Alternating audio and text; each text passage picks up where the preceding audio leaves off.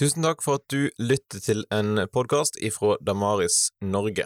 Her får du en andakt som Bjørn Hinderaker har laga for eh, programserien Over en åpen bibel for Norea Mediemisjon.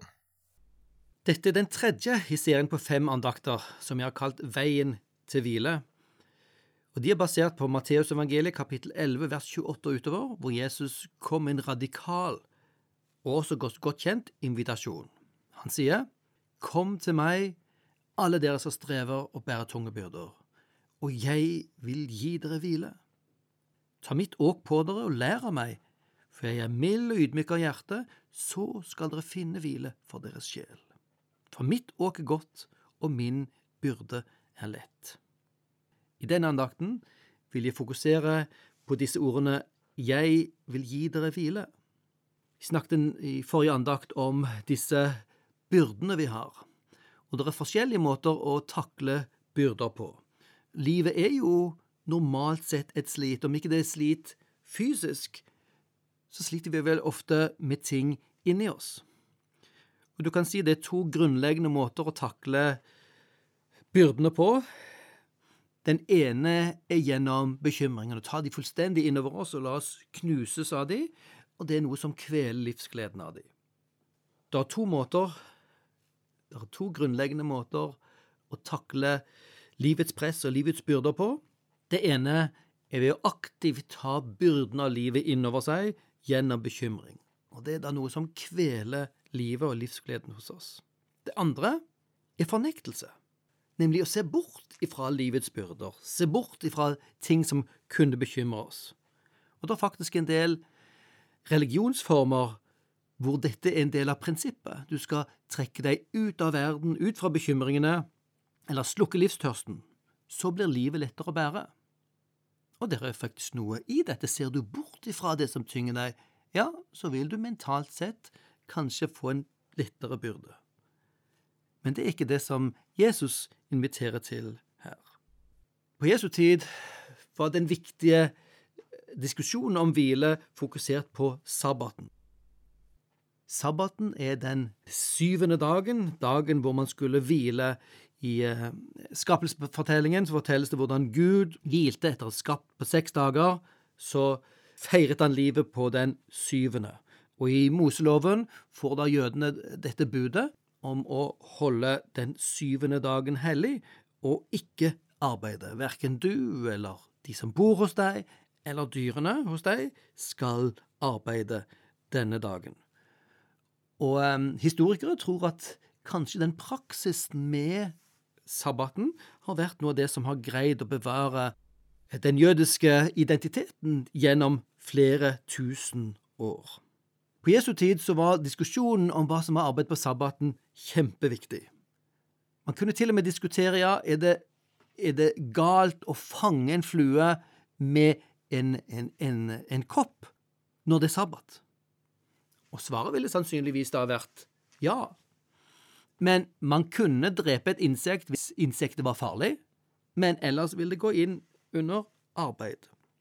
Hva er det som er arbeid, hva er det som ikke er arbeid? Og, og i kapittelet som følger oss, eh, så ser vi diskusjonen om nettopp hva er det lov å gjøre på en sabbat? Er helbredelse egentlig arbeid på en sabbat? Det var det som etter hvert ble anklaget mot Jesus. Og um, de lærde hadde kommet fram til at når det gjelder sabbaten, så har du lov til å redde liv. Du har faktisk en plikt til å redde liv, uansett hvilken ukedag det er. Hvis det er store plager som plager hele kroppen og høy feber, ja, da har du lov til å helbrede, til å gjøre folk friste. Hvis det er mindre plager, nei, da skal du ikke gjøre folk friske, du skal vente til neste dag. Eh, og mest var det fordi at det å lage den medisinen, da, måtte du normalt eh, knuse noe urter og så videre, og det ville fungere som arbeid. og der skulle du la det bli utsatt. Så man diskuterte mye sabbatsregler. Når vi ser Jesus utfordre direkte på dette, så, så sier han jo iblant også at fordi Faderen jobber på sabbaten, helt til i dag, så må også Sønnen gjøre det. Det ser vi i en av tekstene i Johannes evangeliet. Når Jesus inviterer til hvile, så er det ikke bare for han inviterer oss på en lang ferie, eller heller ikke faktisk for å gjøre livet perfekt her og nå. Når vi ser Jesus bevege seg i, eh, i sin tid og i sitt land, så var de gjerningene han gjorde, et slags pekere fremover. Når da han helbredet syke, så var det jo ikke fordi han skulle gjøre livet perfekt for disse som hadde blitt friske, for de kommer til å bli syke, og de kommer til å dø seinere i livet. De hadde sine ting å streve med seinere, men den hendelsen skulle peke på hvem Jesus var, og hva han kom for å gi oss. Og Det samme gjaldt når han drev ut onde ånder, som var en vanlig erfaring i antikken i veldig mange kulturer. Det skulle peke fremover og peke på Jesus om hvem han egentlig var. Han skulle komme for å sette oss fri. Så når Jesus snakker om eh, å invitere oss til hvilen, så er det ikke bare for, for å gi oss et avslappet liv her. Nei, ofte er det tvert imot. Det livet som Jesus inviterer til, ikke et liv for bare å slappe av, som en ferie i Syden. Tvert imot inviteres vi til tjeneste for Gud og vår neste. Men den dypeste forståelsen av den hvilen Jesus inviterer til, er, er jo det evige livet. For det er slik at livet sånn som det er nå, det har et slør av død over seg.